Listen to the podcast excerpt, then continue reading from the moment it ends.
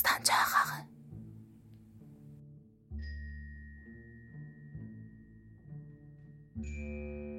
Yəqin ki, siz Təbrizə təzə varid olubsunuz. dedi. E, xeyr, mən buralıyam. Mən sizi birinci kərədir görürəm. E, çox da bayıra çıxan adam deyiləm.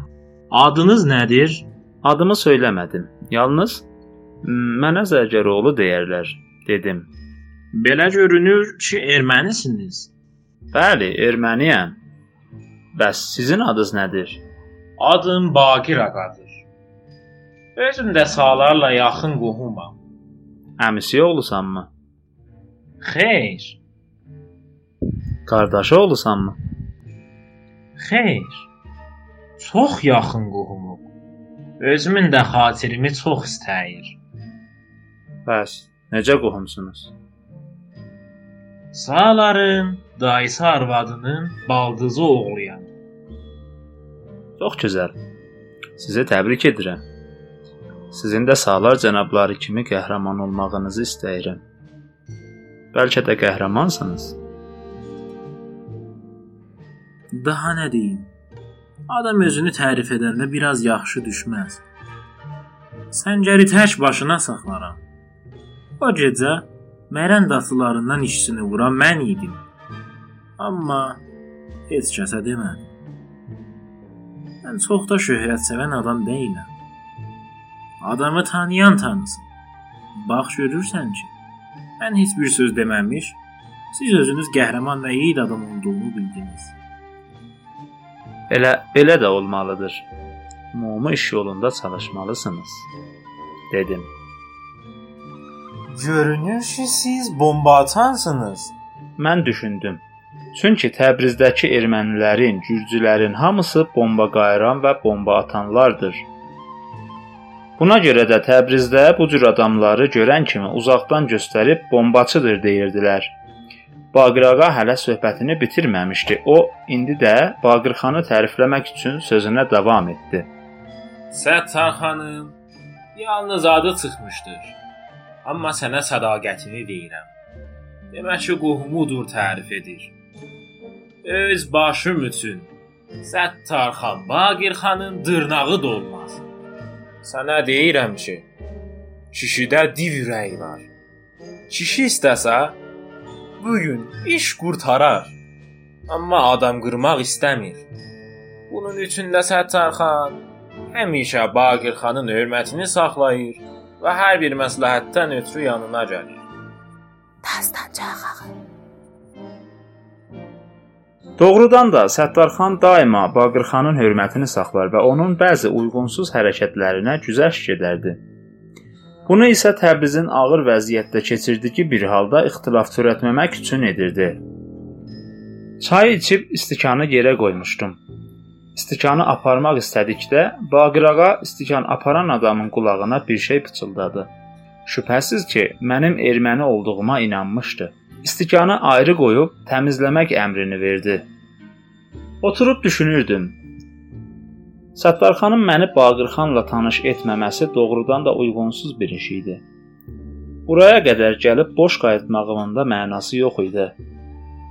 Mən bu düşüncədəykən xüsusi otaqdan biri çıxıb yanıma gəldi. Sizi cənab Salar yanına dəvət edir. Özü qabaqca, mən isə dalınca getdim. O qapını açıb məni içəri buraxdı. Yenə də qayıtdı. Salar mənə iki əlini uzatdı. Əlimi sıxandan sonra barmaqlarını dodaqlarına və başına qoydu. Yer göstərdi. Buyurun əyləşin. Sərdarın qonağı bizim də möhtərəm qonağımızdır. İndiyə qədər görüşmədiyimizdən təəssüf edirəm. dedi. Sonra Salar lazımi məsələyə keçib yenə də ümumi salondakı sözlərini təkrar etməyə başladı. Ağa, biz hamısını bilirik. Biz bilirik ki, düşmənimiz yatmamışdır. Səttarxanın dilindən heç vaxt yoldaşlarla danışdıqda ağa sözü çıxmazdı.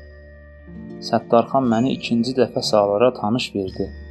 Salar isə yenə də eyni sözləri təkrar edirdi. Sərdarın əziz qonağı bizim də əziz qonağımızdır. Salar heç vaxt mən mən demirdi. o həmişə kibarlara məxsus bir ifadə ilə sözünü biz kəlməsi ilə başlayırdı.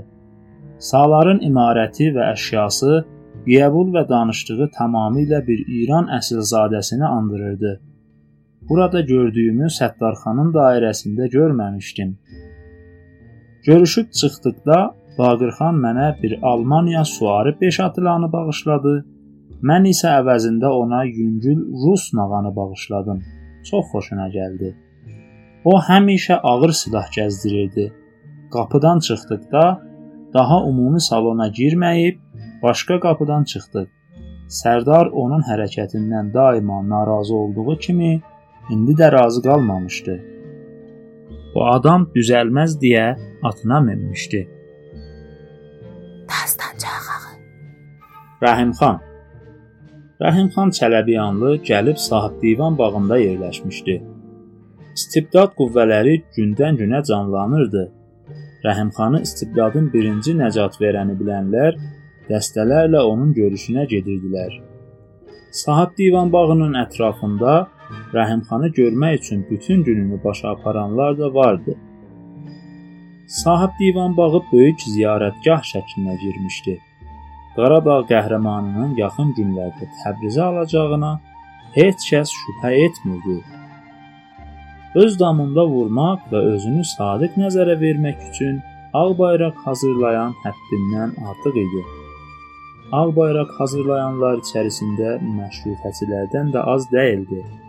Bunların bir çoxu əncümənə gəlmirdi. Hacı Mehdi ağa yenə də evinə qapanmışdı. Vaxt ikən hazırlıq görüldüyünə baxmayaraq Qaradağ atlıları Göy məscid və Maralan tərəfini dağıtmışdılar. Rəhimxanın qorxusu bir çoxlarını şaşırmışdı. Adamlarda əski ruh yüksəkliyi görünmürdü. Ninanın məni axtardığını Həsən ağadan eşitdim. Gün batan vaxtı vuruşmalar qismən sakit olmuşdu. Biraz fürsət əldə etdiyimdən Ninanı görmək və nə üçün məni axtardığını bilmək üçün Minasiyanın evinə getdim. Ninanı böyük həyəcan içərisində gördüm. O qorxa-qorxa dedi: Vəziyyət getdikcə xarablaşır. Bu saat Hacı İbrahim Sərraf, Hacı Məhəmməd Tacirbaşı ilə bir neçə başqaları konsul xanadadırlar. Onlar Baqır xanı təslim olmağa razı etmişlər. Baqır xan Rus konsulunun aman bayrağını qəbul etmişdir. Baqır xan bütün məhəllənin silahını yığıb Tacirbaşıya təslim etmişdir. Nina ilə vidalaşıb çıxdım. Birbaş Səttarxanın yanına getdim. Bu xəbərləri ona söylədikdə inanmadı. Sağlar heç vaxt bu xəyanəti etməz. Heç də inana bilmirəm. Mən hələ Səttarxanın evindən bayıra çıxmamışdım. General konsul Miller'in Sərdarı görmək üçün gəldiyini xəbər verdilər. Sərdara konsulun bu məsələ üçün gəldiyini söylədim. Biz başqa otağa keçdik. Konsul öz mütərcimi, bir də 2-3 nəfər hərbi xidmətçisi ilə Səttarxanın otağında danışırdı. Sonradan konsulun bir təslim bayrağı da Səttarxan üçün gətirdiyini və Səttarxanın tərəfindən rədd edildiyini bildik. Təbriz müharibəsi kəskinləşirdi. Vaqirxan Səttarxanın bu ciddi hərəkətini gördükdə təslim bayrağını rədd etmiş və öz səngərini yenidən möhkəmləndirməyə başlamışdı. İnqilab əleyhinə çalışan və İslamiyyə təşkilatını quranların qolqanadı açılmışdı.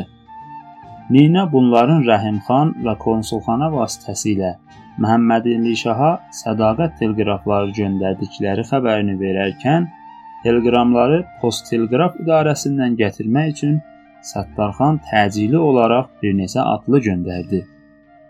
Teleqramlar gətirildi. Burada Rəhimxanın Təbrizi qurtarmaq üçün gəlməsinə qarşı padişaha təşəkkürlər edirdilər. Teleqramda Mir Haşim İmamcümə, Mirzə Kərim, bir də Mirzə Möhsünün imzaları vardı. Mübarizə çox şiddətli gedirdi. Qaradağ hücumunu rədd etmək və Təbriz inqilabını bu şaşqın vəziyyətdən qurtarmaq üçün Qafqaz sosial-demokratları, xüsusən Bakıdan gələn işçilər bir an təxir etmədən çalışırdılar. Bakı işçiləri yerli xalqın həyatını çox gözəl bilirdi. onlar yerli mücahidlərlə əlbir işləmək üçün yaxşı vəziyyət yarada bilərdilər. Dastancağı. Son vuruşmaların ağırlığı Səttarxan və onun ətrafında toplanmış sosial demokratların üzərində idi. Baqırxana heç də etibar etmək olmurdu. Onun tərəddüd göstərməsi xiyaban səngərlərinin düşmənə qarşı lazımi müqavimətdə olmaq ümidini vermirdi. Səttarxan bu xüsusda heç də xatircəm ola bilmirdi. Onun gecə səhərə qədər yatmadığı və səngərləri gözdən keçirdiyi də görünürdü. İşin ən ağır və ən çətin yeri bundaydı ki, xiyaban səngərlərini nəzarət altına almaq üçün Baqırxan kimsəyə ixtiyar vermirdi. O bunu özünə qarşı etimadsızlıq hesab edirdi. Baqırxan daim Mən öz səngərlərimi saxlamaqda aciz deyiləm. Mənim özümün qüvvəm də vardır. hər bir nəzarəti rədd edirdi. Buna baxmayaraq Səttarxan yenə də sağları könlüm istədi və ya sağlardan nigaran qaldım deyə xiyaban, böyük məscid tərəflərini tez-tez gözdən keçirirdi.